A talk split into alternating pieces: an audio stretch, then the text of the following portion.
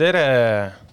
Um, today we will speak in English because my, my dear guest uh, today is a, is an international artist living in Tallinn uh, whose um, Estonian is not too good. Hello, Camille Orelli. tere Um, you are um, you are a hard man to track down. Uh, no online portfolio, no web page. Um, the noir.eu website say, say, website says that you're a woman, but uh, I look at you now; it doesn't seem to be true. So, uh, from what I know, I would say that you're an artist, a curator, uh, a museum owner, uh, a teacher, a father, and of course, Corsican. Uh, did I forget something? uh, maybe What would you add to the list? I don't know, but you said uh, maybe you said more than I I would say myself. Yeah? I would say myself. Which I, one I, would you say yourself? Uh, the same, but uh, with uh, less uh, things because just I, maybe some stuff that I would myself forgot. Yeah. So thanks, thanks to put put everything together. So today, uh, today we will talk about a few um, few different things. Uh, we are here live in the Ida studio, and uh, Lillian recorded her part uh, beforehand. So in in the second half of the show, we will hear her interview. Mhm. But uh, you've been running now Level Up Museum for uh, two years. Today is Yes. actually the birthday party of the video Yes, game museum. Yes, uh, with uh, Andres uh, Rusinovskis that Yes. we are uh, running together. Yes. Yeah. So the, it was the fourth uh, of September was the two years, but uh, yes, today is the is the birthday party Mhm. of the museum. Have you been a gamer your whole life? Uh, yes, Yeah. maybe not only with uh, video games, but uh, as well uh, as way from my uh, art practice, I guess.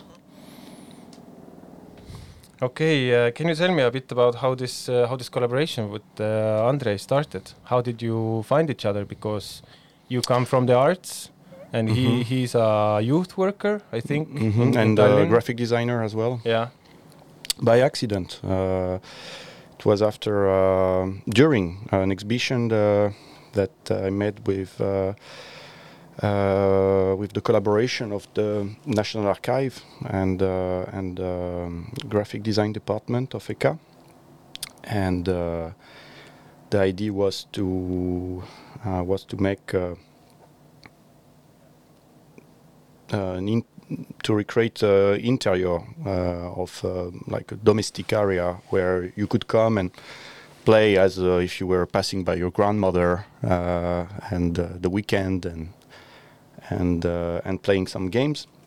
So the idea was to uh, try to investigate for Estonian context uh, about video games uh, during the the 90s hmm and um, and during this show, uh, Andres uh, passed by, and uh, we were discussing that uh, maybe it would be interesting to have a space where it's you can play not temporary, but like uh, constantly, like a permanent place for uh, for video games. Yeah.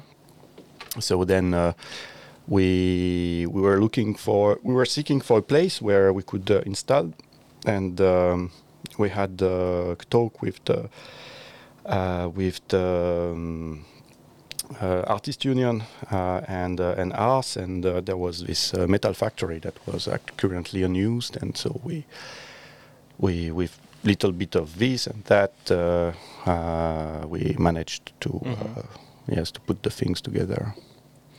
But in the Level Up Museum, uh, you can uh, you can use, you can try almost all the machines. I Mhm, think mhm. like other video game museums I've heard about, it's not. Uh, It's It's not- possible, uh, but uh, it was interesting that we had uh, we organized a serial of talks with um, uh, with uh, Paul Galloway. He's the the the current conservator of the graphic architecture and um, and the interactive design uh, collection of the MoMA mhm. and uh, they have uh, for since few years they try to uh, to collect also they have video games in their in their collection and uh, but because uh, actually they have uh, the amount of people visiting the museum is not like uh, uh, it's not the same uh, frequency of uh, all place but uh, the, the the materials would be very easily destroyed after uh, the like because of the use, and um, so they had to build some alternative uh, um, interactive uh, setup to let the people play the play the machine. But yes, the chance uh, people have uh, in Tallinn uh, with our museum is that everything is are playable, Mhm. and which is. Uh, like anyway, all that machines will die soon Mhm. uh, because condensers, because uh, Yeah. oxidations. So better uh, to play them as long as possible before Yes, uh, they will decay anyway. Yes, this uh, our statement is that anyway, uh, like a working uh, machine on the shelf has the, looks like uh, a damaged one. So uh, let's play them now. Why would a working machine just stand there? But if we can fix, uh, we have uh, we which we are checking ourselves, but as well we have some people helping us. So Mhm. until we can fix, uh, we can play, and Mhm. uh, at some point, you, and it will be not possible, then it will not be possible, Mhm. and that's all. But what do you feel, um, the two of you, you and Andres, uh, from different backgrounds, what does it bring to the table? Like what, uh, Uh, because the museum would be completely Mm, different. But if it first, I'm not Estonian, so uh, uh, Andres is Estonian, and uh, so he has, I think, a better um, uh, uh, outfit Mhm. about uh, about um, like the configuration of because yes, the, the the idea was to recreate uh, interior. Uh, Mhm. We transformed the factory as a gigantic uh, living room Mhm. and uh, so uh, of course uh, we tried to found uh, like a lot of uh, we have partnerships with second-hand shops as well but uh, like uh, artifacts from the from the past there was actually something pretty funny that is related as well i like to relate to my practice is that uh, like this idea of the composition that uh, when the soviet union collapsed there was like a massive cultural uh, uh, cultural uh, mm, reference that uh, passed the border, and uh, so uh, there was a kind of uh, like a schizophrenic uh, interior design, or uh, maybe schizophrenic is not the proper term, but like uh, anachronic. Eclectic as well, like Yes. from opposite Yes, you can like- have uh, like a lamp from a Lenin lamp next to a poster of Michael Jackson, Yeah. and then uh, so th- th- th- it was totally like uh, uh, like uh, totally like like no like t- testless uh, uh, thing that uh, like you you just don't try to think that things at the moment when it's there but uh, the idea was somehow like it was pretty easy like you put whatever you want on the shelves and it will looks like uh, someone interiors uh, Mhm. flat from the 90s so this was uh, pretty exciting to to do actually Mhm. and uh, Andres uh, uh, like uh, had this uh, kind of uh, nice perception of uh, like uh, what is uh, okay this was uh, this is obvious like uh, this can remind uh, more easily uh, like uh, local nostalgia or Mhm. Um, in 2016, I think, if I remem- remember correctly, you curated a group show in Linna Gallery, a small exhibition titled uh, "Infinite Lives," which uh, I I feel that it addressed the, the gamification of life, how like Mhm. the borders between um virtual life and and physical life Yes. have been blurring, Mhm. and um, yeah, this feels like uh, level up now feels like a natural development Mhm, of mhm, that. It's mhm, like uh, the continuation of that same interest. yes and, exactly uh, but is level up um, an art project? Uh, yes, Yeah? yes, yes, of course. Uh, yes, uh, yes and no. Like, of course, like for the people that uh, uh, coming to visit the place, I'm not. Uh, uh, Telling them, because I, I, yeah. I'm playing as well. It's a performance. Yeah, I'm playing the, the, the museum keeper, uh, and uh, but I'm not telling them uh, about like this uh, exhibition you were me- you mentioned before, or I'm not mentioning especially uh, uh, the, this course that uh, that I give with the student for the from the graphic design department, or uh, I'm not talking about Fluxus, or I'm not talking Mhm. about uh, uh, Klaus Oldenburg or uh, John Armleder, or like which are for me like uh, my, my cons- yes Mhm. and constant reference that I have uh, in my mind when I'm think about the the place. Uh, so uh, so in some way when I'm not uh, like summoning uh, this uh, this reference, uh, uh, I would say that people don't have to know that it Mhm. is uh, an art project. But uh, but in uh, of course, like uh, from my uh, practice point of view, it's a, it's a it's a continuation of my uh, art process. hmm I'm I'm wondering if uh, we can find some examples of uh, kind of art elements in the museum. You were mentioning this contact you had with MoMA. So Ah. Yes, yes, I but remember. hmm Is this uh, is are you still developing this uh, collaboration project Yeah. between you and MoMA or? Uh, MoMA, Mom- MoMA, so we we talked, we discussed uh, several times so with uh, other partners as well because we are part of. Um, the museum is uh, is part of uh, FCamp, which is uh, like the, the, the biggest organization in Europe working for uh, protecting electronic legacy. Mm. Uh, it's a federation. and you're a member. The museum is a member, yes, mhm. of this uh, of this uh, organization, and uh, and as well we have partners like mo5.com in France that are having the same um, activity, like the same same same kind of activity, uh, but like more locally in Fr- uh, more local in France. And uh, so there was an idea. So, well, unfortunately, with the um, outbreak and uh, the, the the health uh, situ- sanitary situation, uh, a lot of things uh, had to be, if it's not postponed, uh, but delayed. But uh, Mhm. we with Paul Galloway, we were talking about uh, to exhibit the at the museum the. Um, uh, the, the the the the MoMA collection, Mhm. yes, uh, but it's still like under process. But Okay, okay. Uh, that's the So maybe it's too early to uh, to continue talking about this topic. Oh yes, yes, yes. But uh, no, but the the idea. It's uh, what is interesting. What what I could say why it's interesting to move it. It's that actually like the museum already have half of the collection of Yeah. the MoMA. So The uh, same. You mean the same titles and the same, same machines, same and- games. yeah. Yes, yes. So uh, because uh, anyway, it's a it's a very uh, So you hope young to medium. So you hope to make a MoMA show with machines you have here. Yes, yes, yes, yes, yes. So it's uh, it's very because we don't have to. Uh, and they are warm. It's not like crazy idea that has been. Yes, yes, yes, yes, Yeah, yes. They are yeah. very uh, enthusiastic about the idea. Uh, so, So, uh, hopefully we will have a MoMA show yes, in yes, so. yes, yes. Soon, sooner. maybe, maybe next year.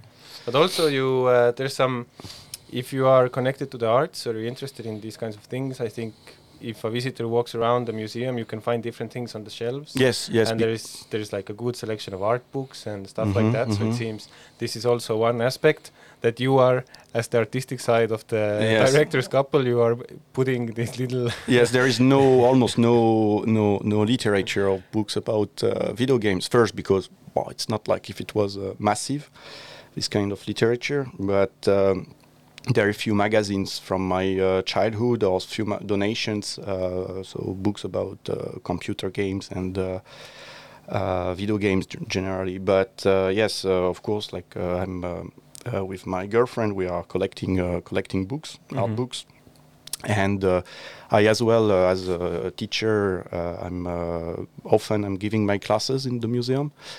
And uh, so my books are some, as well my, my tools, Mm. and uh, and so sometimes I need it for the classes, and uh, I like that people when they uh, when they go they come to visit the place, like they by accident they found on the shelf like a book from uh, Fishley and Weiss or uh, uh, some uh, book from uh, so any artist like there is Mhm. a catalog of uh, Wanda, there is a catalog from uh, Mani archives, there is a book from different kind of uh, uh, different kind of books from different artists from uh, from uh, different periods and uh, so it's nice like to see like uh, once uh, one person so we open in Teleskivi uh, this uh, this place Yeah, I just wanted to ask uh, about the second venue you opened here. And uh, I was very glad because one person came. Uh, it was uh, last month, and uh, she said that, uh, "Oh, I know your place. I went to the to the one uh, where there is the library." Mm. And I was. It was first time, you know, like for me, like uh, it was really. you like, never think of it. Yes, Yeah. I, never expected that someone for me like no one's care coming Yeah. at the museum, no one's care about the library, and once came and say, oh, like it came because they they, Yeah. they, they, they went to the warp zone because they, they they were excited about the books in the first one. But this warp zone now, this is uh, it's here in Telliskivi next to uh, Pudel Bar. It's Mhm. it's another venue. How is um, it it feels like you're becoming a franchise, and soon you will open a branch in Helsinki and then in Riga and and maybe in Saaremaa. But how? But uh, seriously, how how what is the difference between the two venues? How what what what does Uh, one do? What does the other do? Mm, The the the, the warp zone is more um, uh, arcade uh, Mhm. orientated, uh, but um, uh, it's like like more basically it's a small version of the of the of the museum. But the difference is that we didn't uh, advertise really about uh, the warp zone because we were scared about the confusion between uh, level Mhm. up and uh, and the warp zone. So um, and uh, and as well, uh, we enjoyed the idea that the warp zone is the secret passage, uh, Yeah, the like hidden warp hidden zone. passage in the in the Super Mario. Yeah. So uh, like it's more or less the place that you found uh, you found by accident. Actually, we are next to the. I will do some reclam for Lamu, but uh, yes, it's uh, it's close to the it's close to the. Um, uh, to the ice cream shop, so Mhm. uh, so most of the au- audience are people mixing up uh, the the ice cream shop, to, and uh, and uh, Ah, people are coming looking for ice cream. Yes, your- yes, but they end up arcade. What is that? okay, we take ice cream. We are coming back. You mentioned uh, you mentioned you do your uh, lectures in the in the museum. It's just um, I remember you once talking about saying that the best school is a school without walls. Uh, no, no, No? it's it's wrong. Like the best school is a flying school. Ah, flying school. Sorry. so what can you can you explain a bit? What do you mean by that? A flying school. That it's flying. It's flying. it's a it's a flying school. The- what Okay. can okay, of course. So uh, we will listen. uh, actually a school with no walls? Actually, I don't know when I told you that, but uh, unfortunately, uh, it happened uh, with the with the outbreak situation. Yes. So Camille has brought some songs, a selection. First, we'll listen to a super famous song from Childish Gambino, and then after that, we will continue.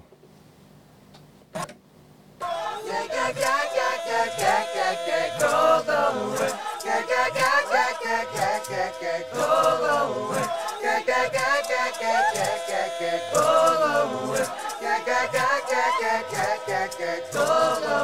just wanna party. We just wanna party,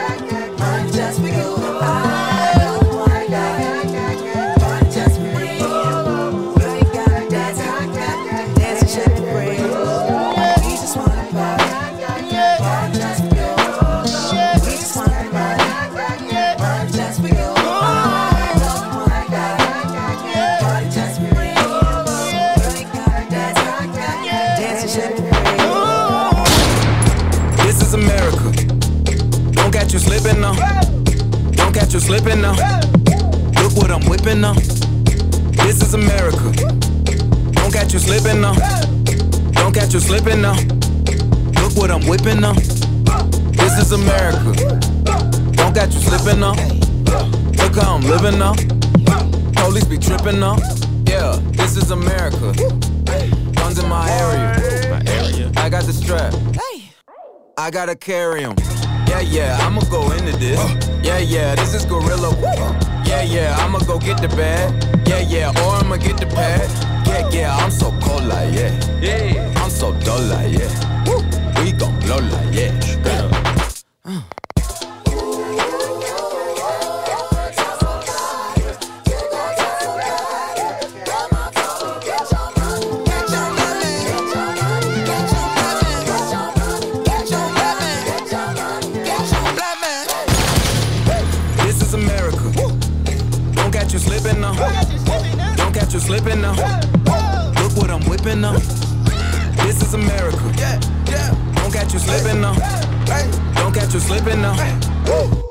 I'm whipping now. Look how I'm geeking now. I'm so fitted. I'm on Gucci. I'm so pretty. Yeah, yeah. I'm gonna get it. Watch me move. This is Sally. Ah. That's a tool. Yeah. On my Kodak.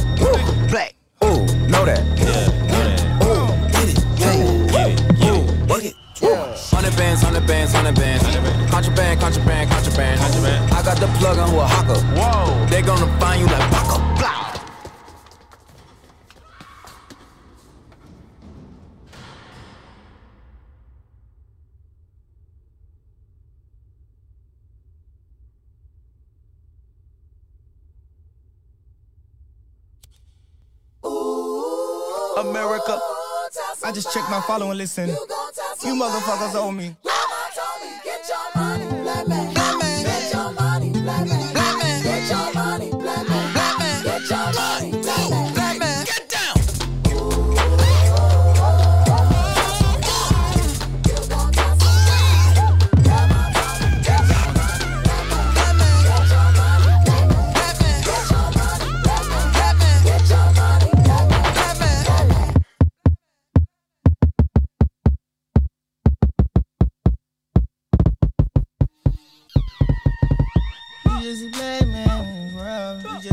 You just black in this expensive foreign. Just a big dog, yeah. My came in backyard.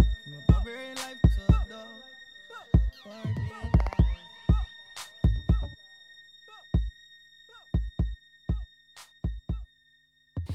And we're back.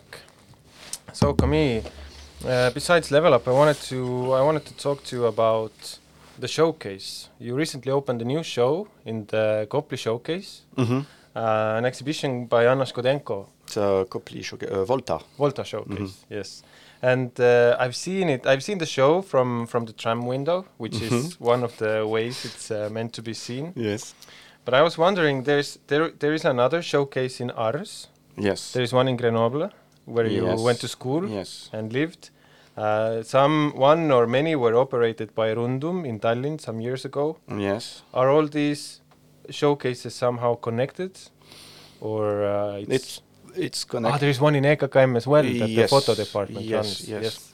I would say that they all have their own. Um, their own. It's it works as an autonomous space. Yeah. I'd say, and uh, but it's part of um, of an ini- uh, like a Czech uh, Czech ini- initiative. Mhm. Uh, So they are all like descendants coming from this Czech. Uh, yes, yes. Uh, it was um, a PAS group. Uh, it was a group uh, mm, of uh, Czech artists. Uh, I know this. Uh, I know this showcase uh, network from uh, Tomasz Waniek. Is um, at that time he was. Uh, is uh, I was uh, assisting him for uh, for an exhibition and. Uh, and so he told me about we were sharing some of our works and told me about this small showcase space that was installed in Czech Republic and I said network because at that time so it st- started in in uh, in the end of the 90s he was installing a few of his showcase uh, in different places uh, so there was in Brno was, there was some uh, there was one in Russia in Moscow uh, there was Germany, um, uh, in uh, Slovakia, but it was in usually exhibition space that was in place, like some more often in suburbs, in place where Mhm. there was no uh, any cultural activities, and uh, so it was uh, fixed on uh, like a bus. pioneer. Yes, yes. And uh, bu- so yes, on bus stops, on abandoned buildings, or uh, so step by step they all disappeared because buildings been destroyed. Or uh, in Russia, it's more uh, tragic that uh, the, the the curator was uh, murdered. Uh, but um, wow. there was a different uh, so they almost i think they all disappeared now and one of them so he sent one in grenoble that i wanted to install uh, where, where uh, the city where i, I used to, to, to live before uh, tallinn. And i tried for two years to install it but uh, never managed. So i was in touch with some uh, students from the school that uh, was at that time it was a student that gonna become uh, random and uh, so they started to run a random uh, showcase. Mhm. When I went back, so uh, they, they, they, they offered me to uh, run a few shows. Mhm. And uh, But I think I think we're on to something here. You are the personal assistant of Trin Tam. You are the official, unofficial assistant of Galerie Galerie.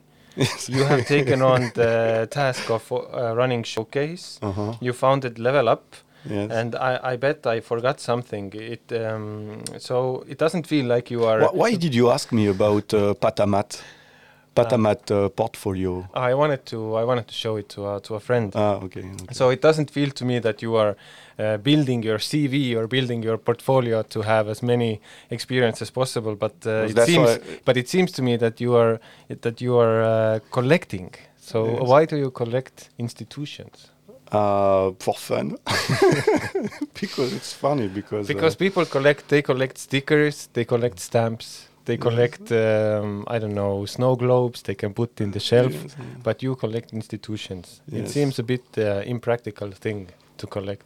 Uh, the only problem is that actually, uh, when you are collecting too much things like that, or like when you are collecting the activity, the risk is actually that you are, cannot make properly uh, Mm. the things. That you But my idea is not become lazy or you don't just don't have time Ye- to run them Yes, and I'm, Yeah. I'm extremely lazy. Actually, I can only do that things because I'm talking about that what I would like to do, and Mhm. if people I'm talking with that wants like the idea and Mhm. want to help to make it, then it's possible. Because Mhm. I, myself, I cannot.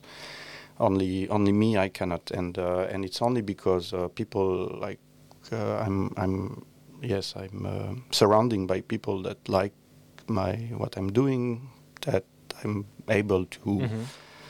like to launch uh, Mhm. these uh, initiatives.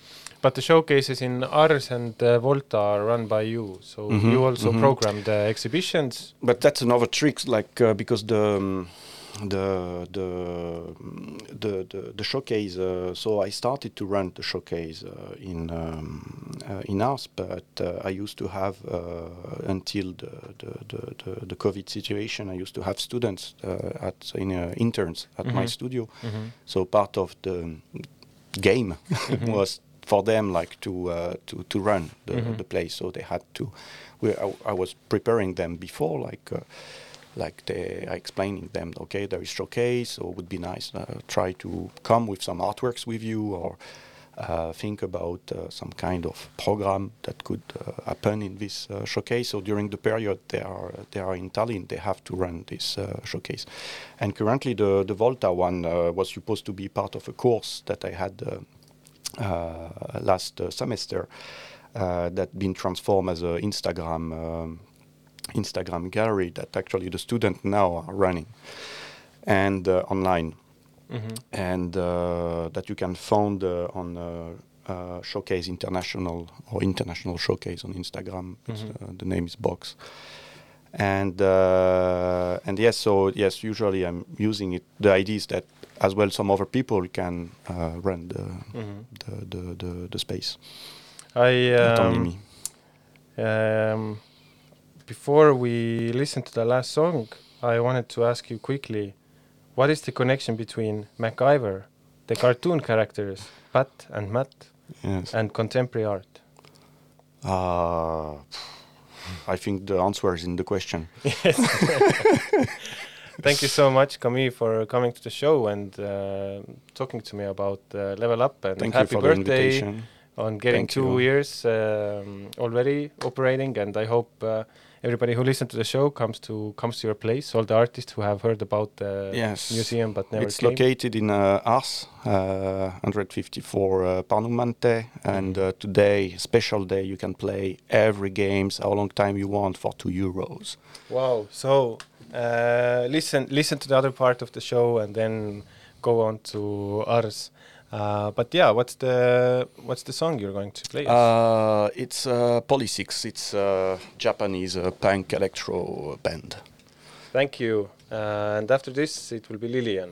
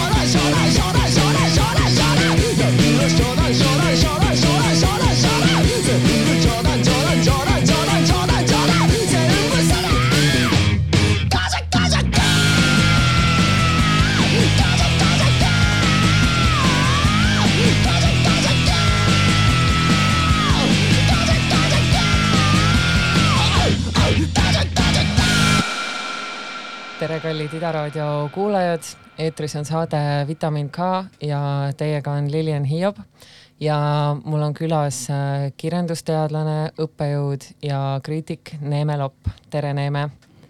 tere ja tänan kutsumast ja ma pean muidugi kõigepealt äh, avaldama tunnustust äh, selle eest ka, et kunstisaade ikkagi kutsub külla võib-olla sellise ketserliku teemaga isegi no,. et see on väga julge liigutus nii-öelda, aga noh, kui me asja muidugi lähemalt vaatame, siis võib-olla asi ei olegi nii ketserlik, kui pealtnäha paistab. ja äh, meie raadiokuulaja tegelikult veel ei teagi, millest on jutt. nimelt äh, sa oled siia kutsutud, et rääkida enda koostatud kogumikust nimega Kunstivandenõu, mille autoriks on äh, sotsioloog ja filosoof äh, Jean Baudrillard ja väljaanne koondab endas äh, kunstiteemalisi esseesid, mille Baudrillard pani kirja oma elu kahel viimasel kümnendil, tuhat üheksasada kaheksakümmend seitse kuni kaks tuhat seitse ja mis õiendavad tema vahekorra kaasaegse kunstiga.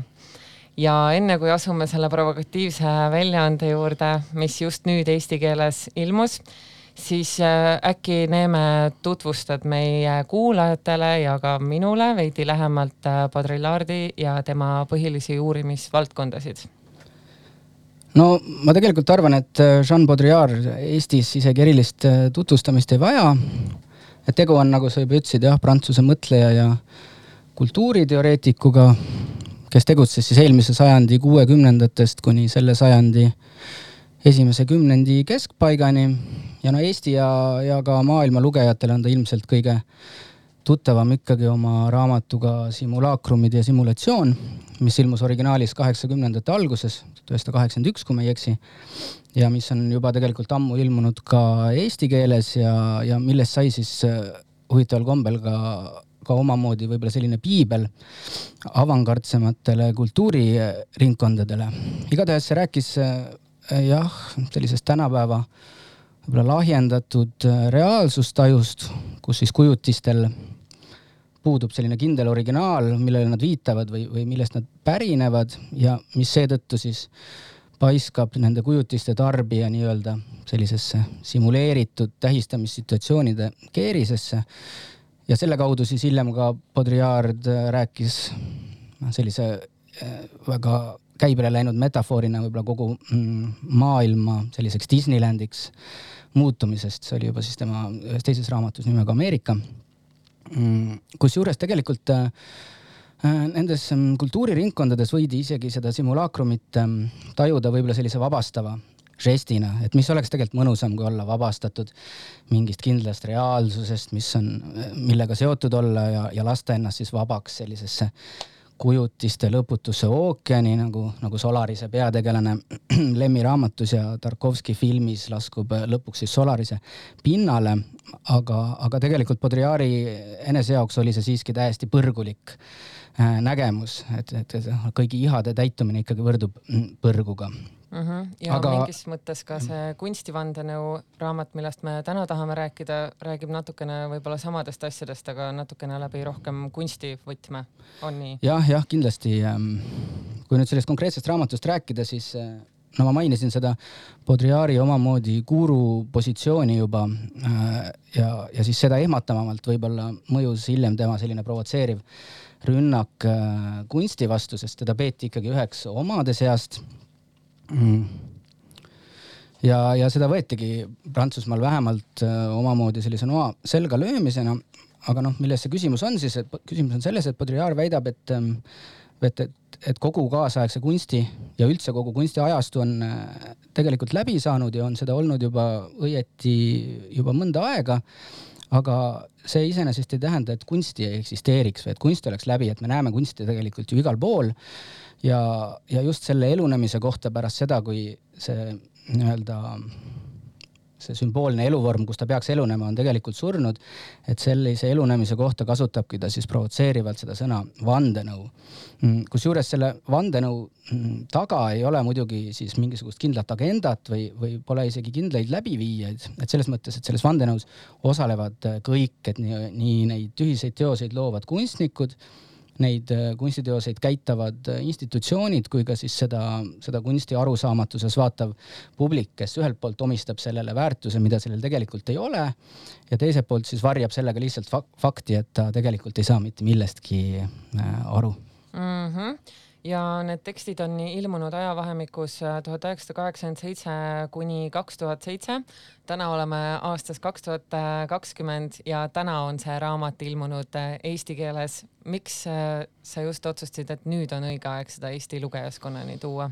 Mm, no kõigepealt see aasta kaks tuhat seitse, selle lõppdaatumi määras muidugi ära Baudrillardi surm. Mm, aga tõepoolest ma kirjutan selle raamatu väiksesse saatesõnas ka, et, et ehkki see Baudrillardi simulaakrumi teooria kukkus võib-olla tuhande üheksasaja üheksakümnendate kunstiväljal, siis just Eestis ma mõtlen sellisele postmodernsete ideede järele janunevale kuivale pinnale mm,.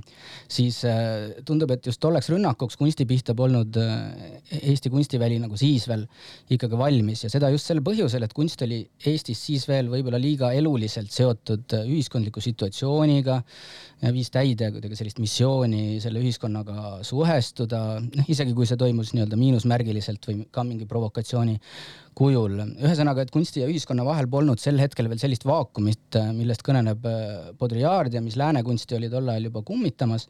et ma arvan, et nüüd on need teemad Eestis palju aktuaals-, aktuaalsemad või õigemini olnud, on olnud juba tegelikult mõnda aega Mm -hmm. ja omamoodi muidugi märgiline on ka see pealkirjas olev sõna vandenõu, sest mis oleks asjakohasem, kui tänapäeva nii-öelda vandenõuajastul rääkida siis ka kunsti vandenõust, aga, aga seda tuleks siiski mõista pigem siin irooniliselt mm. -hmm aga sa rääkisid, et üheksakümnendatel ei olnud Eesti kunst selleks veel valmis, et äh, ma mõtlen seda, et võib-olla sellel hetkel, kui need lääne ideed ei olnud veel Eestis nii relevantsed või kuidagi pinnal ja nad ei saanudki olla, siis võib-olla oleks sellel ajal just mõjunud see raamat kui sihuke aabits lääne kunstimaailma.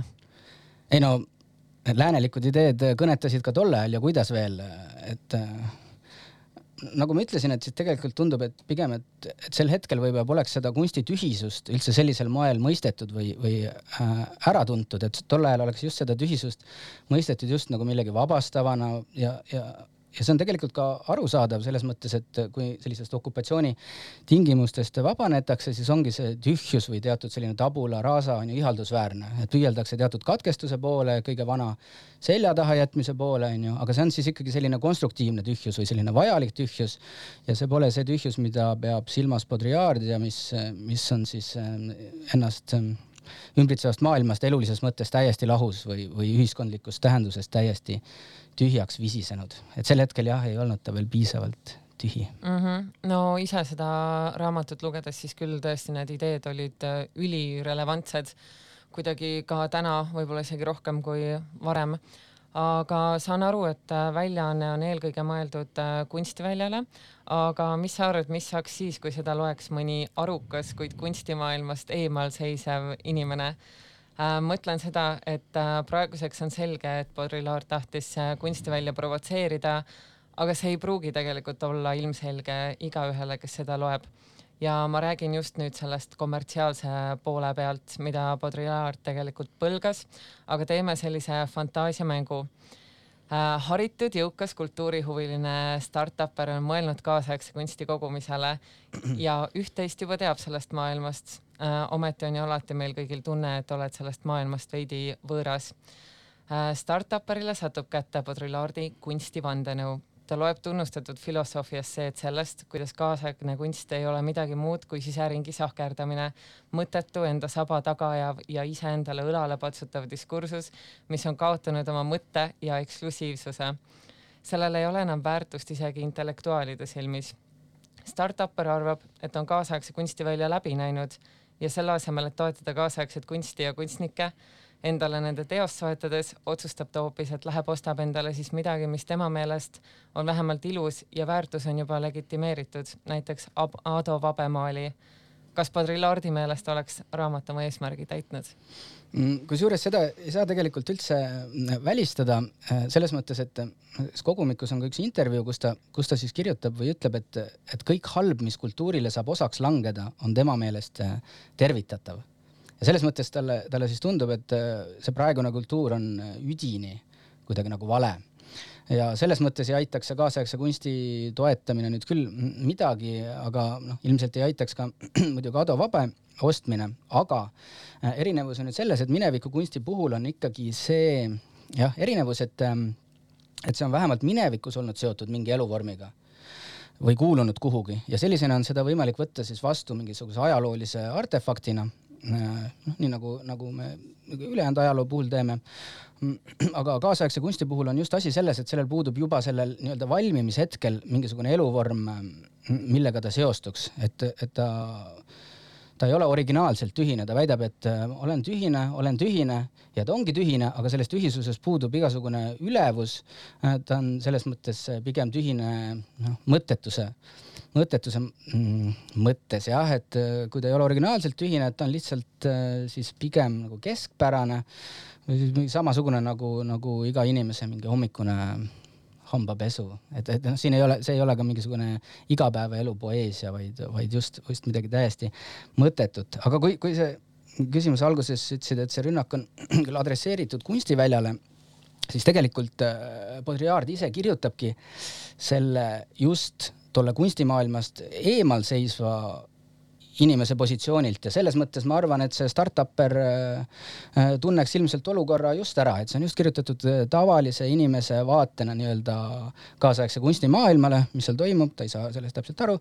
Ja, ja mida ta nüüd selle suhtes ette kavatseb võtta või see startup'er, et seda on nüüd muidugi raske hinnata, et võib-olla äratab see olukord hoopis temas kaastunnet, aga, aga Baudrillard siin muidugi ei anna mingeid ähm, juhiseid, kuidas, kuidas peaks käituma või kuidas sellesse suhtuma mm. -hmm. aga ma arvan, et nüüd me oleme vist jõudnud ka selle äh, saate meie esimese muusikapala mu- juurde. muusikapala juurde jah, ja selle valimine oli tegelikult äh, kõige lihtsam asi üldse.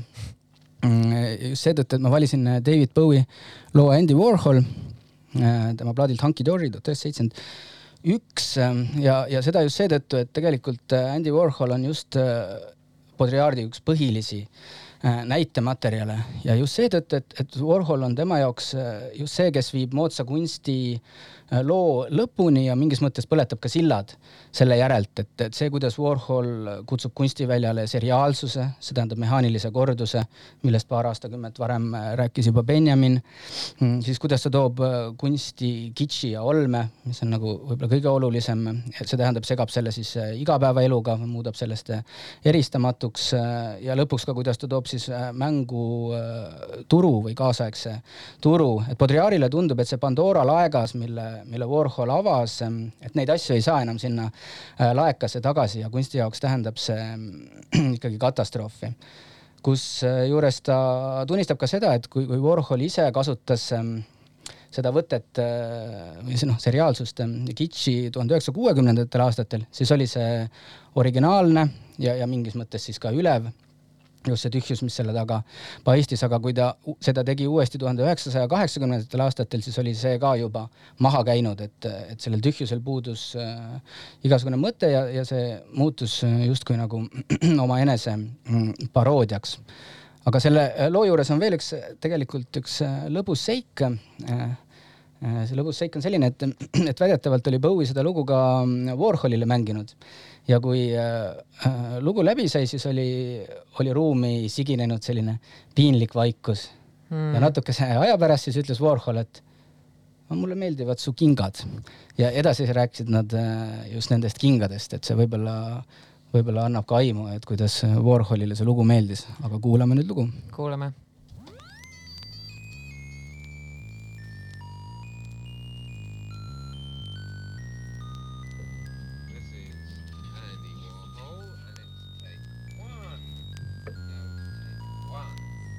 It's it's Hull actually. What did I say? Hull. It's Hull. As in hulls. Huh? Andy Warhol.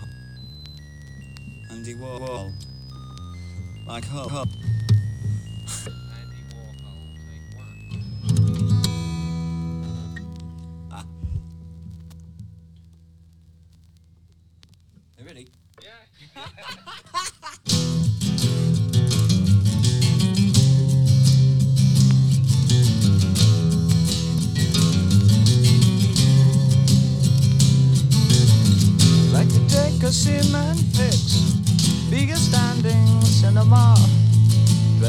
Lines up just for show. See them as they really are. But the people in my brain, two new pens to have a go. I'd like to be a gallery, put you all inside my show. Andy Warhol looks a scream,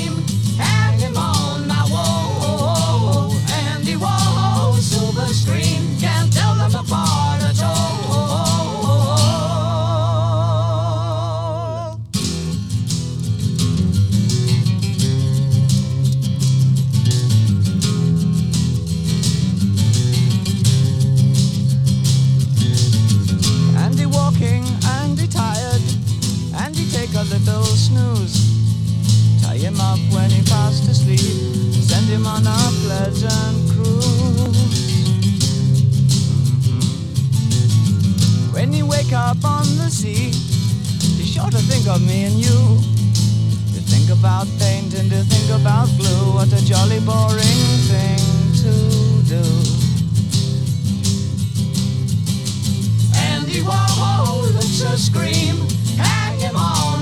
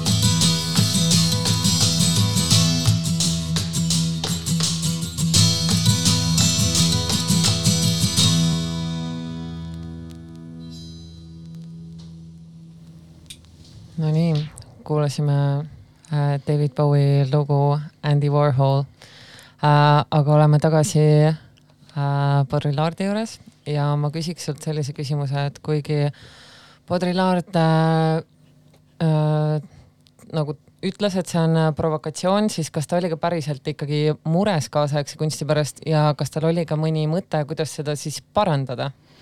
siin tuleb muidugi täpsustada seda, et, et provokatsioonina oli mõeldud selgemalt ikkagi see üks tekst või see kogumiku nimi tekst. aga, aga ei, ta ei soovinudki Mhm. olukorda paraneda, parandada, selles mõttes, et ta paneb diagnoosi ja tal pole mingit huvi kunstiolukorra parandada sellisel kujul, nagu, nagu kunst praegu on ja ja siin on nagu sügavam põhjus ka, et see polekski isegi tegelikult tema meelest võimalik, sest küsimus ei ole siin üksnes kunstis eneses, vaid, vaid see moodsa kunsti seiklus on äh, tema meelest läbi seetõttu, et üleüldse kujutise kui sellise staatus on muutunud. et kui me äh, mõtleme näiteks kasvõi nende lõputute mm, fotode peale, mida iga päev võetakse, siis neis pole Baudrillardi järgi mm, enam mitte mingit illusiooni, et reaalsus teeb siin enesest mehaaniliselt üksnes teisiku ja see on täielikult siis selle sõna otseses mõttes objektiivne reaalsus, mis ei vaja enam isegi inimest, kes neid pilte vaataks ja neid pilte ei vaadatagi. me näeme, et sellises illusioonitus olukorras pole siis ka kunstil tegelikult millegi muuga tegeleda kui iseenese varemetega. Nii et tema meelest on see pigem nagu selline antropoloogiline küsimus juba, et küsimus sellest, kuhu ähm, inimene oma kultuuri arengus on jõudnud. ja, ja provokatsioon on üldse vajalik lihtsalt selleks, et see on tegelikult ainus asi veel tema meelest, millega kunstile üldse saab läheneda, et mis ei oleks järjekordne äh, sooja õhu äh, ringi ajamine. ja palju sa ise nende ideedega nõustud? pigem ei nõustu aga pigem ei nõustu seetõttu, et, et noh, no kui seda raamatu paatost vaadata, et Baudrillardil on ikkagi kalduvus kõike väga üle dramatiseerida ja hüperboliseerida ja ta on väga kategooriline ja kõik on tema jaoks väga lõplik ja gaas on kogu aeg äh, põhjas. selles mõttes, et ta ei arvesta väikeste kultuuriruumide eripäradega ja ta ei kaalu üldse ka sellist varianti, et, et kas siis äh, sellises, et ka sellises ühiskondlikust ja majandusloogikast lahti seotud mullis võiks peituda mingisugune noh, utoopiline potentsiaal. niimoodi on seda käsitlenud näiteks hiljem Hito Steierl aga, aga noh, miks see, miks see oluline on, tegelikult oluline on siin võib-olla tõesti lihtsalt see probleemi asetus. et selles, et kui me heidame kunstile nii-öelda kinda ja ütleme, et ta on tühine, siis võiks ta olla valmis sellele ka kuidagi vastama, sest kui ta ei ole valmis sellele vastama, siis võib-olla ta ongi tühine. et see Baudrillardi küsimuse asetus on miski, millega tegelikult kaasaegne kunst peab kogu aeg äh, silmitsi seisma ja millele vastamiseks ta peab kogu aeg valmis olema, et isegi nagu nii-öelda enese ees või enese, enese jaoks mm. -hmm. rääkisime juba tekstide ilmumise ajast, see oli kolmteist äh, kuni kolmkümmend kolm aastat tagasi ja ometi on kunstivandenõusse koostatud esseed täna väga relevantsed. Duchampi tualettpoetist ja Warholist oleme juba rääkinud ja Baudrillard neid ka puutumata ei jäta, aga mis mind pigem kõnetas, oli niisugune äh, lõik, millega alustas ta oma esseed Kunst omaenese kaasaegne, ma nüüd tsiteerin. moodsa kunsti seiklus on läbi, kaasaegne kunst on ainult omaenese kaasaegne, ta ei küündi enam endast üle ei mineviku ega tuleviku suunal. tema ainus reaalsus on ta toimimine reaalajas ja segunemine selle reaalsusega miski ei erista seda tehnoloogia, reklaami, meedia või digimaailma toimingutest. Pole enam transcend-, pole enam äh, transtsentraalsust, lahknevust, mitte midagi mõnest muust skeenest, see on refleksiivne mäng kaasaegse maailmaga, nagu see parajasti on. sellepärast ongi kaasaegne kunst tühine ja tähtsusetu. see kunst ja maailm moodustavad nullsummaga võrrandi no see on väga karm hinnang, aga minu meelest kirjeldab ta selle lausega väga tabavalt äh, postinternet kunsti esteetikat, kus täpselt need aspektid ongi mängus.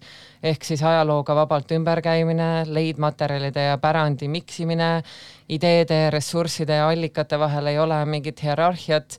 vahet ei ole, kas sa kasutad oma teostes leitpilti internetist või vana aja klassikut mis aga asja põnevaks teeb, on see, et postinternetist kui voolust hakati rääkima aastal kaks tuhat kümme, samas see essee on kirjutatud aastal kaks tuhat kolm. et muidugi olid need ideed juba enne kahe tuhande kümnendat õhus, aga mind pani imestama selle tabavus ja see, et ta sellesse kui kunsti lõppu suhtub, et ma arvan, et selline kunst ehk siis kaasaegne kunst peegeldab väga osavalt praegust seisundit, kus ongi väga palju segunemist ja selle võrra ka universaal-, universaliseerumist mingis mõttes. äkki Baudrillard ei olnud lihtsalt head post-internetkunsti näinud no kui me vaatame ta surmaaastat kaks tuhat seitse, et siis on muidugi selge, et ta kindlasti ei olnud näinud palju post-internetkunsti, ehkki vähemalt selles viimases tekstis äh, jõuab ta lahata digifotograafia küsimust, aga erinevate nende niinimetatud postmodernismi teoreetikute juures äh, ongi huvitav ju tegelikult see, kuidas nende mm, ideed enamasti ennetavad üleilmset internetti, aga oleksid justkui kirjutatud täpselt seda silmas pidades. internet äh, selles mõttes vastab ideaalselt neile tingimustele, mida seal kirjeldatakse nii heas kui, kui halvas mõttes.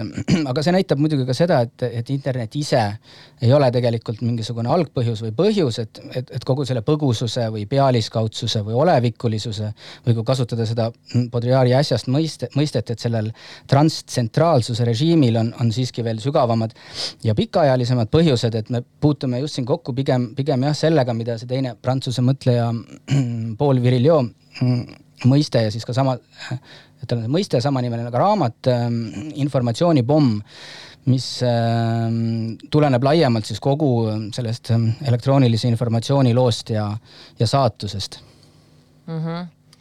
Uh, jah, ma lihtsalt mõtlen, et uh, minu jaoks uh, kuidagi niisugune nagu nii-öelda selle maailma lamestumine ja see, et kunst ei ole enam kunst, et selles ei ole mitte midagi hullu, et see nagu peegeldab nii tabavalt seda olukorda, kuhu me praegu inimkonnana sattunud oleme. aga mida ma veel tahtsin küsida, on see, et äh, raamatus on kasutatud kunstnik äh, Paco Ullmani fotosid päris palju äh,. miks just need passiivsed peaaegu et mitte midagi ütlevad urban vaikelud sinna raamatusse said? No sellega on nüüd tegelikult nii, et, et üks selle raamatu tekstidest, ähm, see Baudrillardi eluajal viimasena kirjutatud pealkirjaga Miks ei ole kõik juba kadunud, mm, see tekst ilmus ähm, inglise keeles samuti mm, koos fotodega ja kui ma seda ingliskeelset äh, väljaannet nägin, siis koos nende fotodega, et siis mulle meenus kohe esimese asjana Paco näitus Heitmaa, kust siis pärinevad ka need meie raamatus olevad fotod. Mm, ühesõnaga Baudrillard mm, Baudrillardi tekst räägib ju mingis mõttes olukorrast, äh, mida valdab tunne, et midagi olemuslikku on tähenduslikus äh, mõttes äh, kadunud, aga kulissid püsivad sellest hoolimata ikkagi püsti.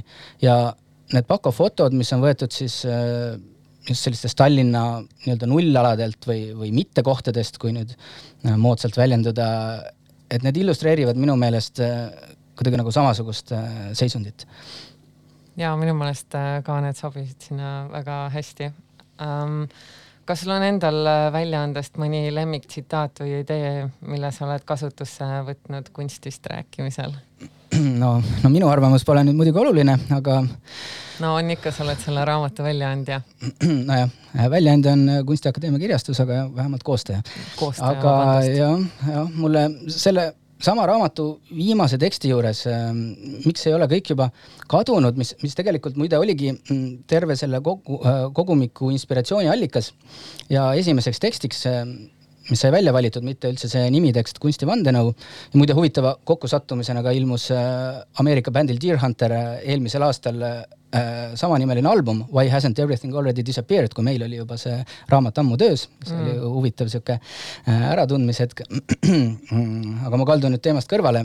mulle selle viimase teksti juures jah meeldib äh, võib-olla selline koht, kus ta, kus ta räägib sellest, kuidas ähm, tänapäeva kultuuris on äh, inimesed äh, nii-öelda nartsissistlikult armunud äh, just iseenda kujutisse ja mängivad peamiselt omaenda kujutisega, olgu see mõeldud siis kas otseses mõttes või siis ka kaudses tähenduses. ähm, ja see tähendab siis seda, et, et mõtlev subjekt nagu kaob ja, ja kaob just selleks, et, et teha ruumi siis mingisugusele ähmasele subjektiivsusele, mis ümbritseb kõike ja muudab kõik selliseks üheks tohutuks tühja teadvuse kõlakojaks, kus siis, kus siis kõik asjad on kiirgamas mingisugust objektitut äh, subjektiivsust ja kuulaja võib nüüd äh, mõelda, kas, kas see väike lõik nüüd tekitas temas äratundmist või, või mitte mm. -hmm.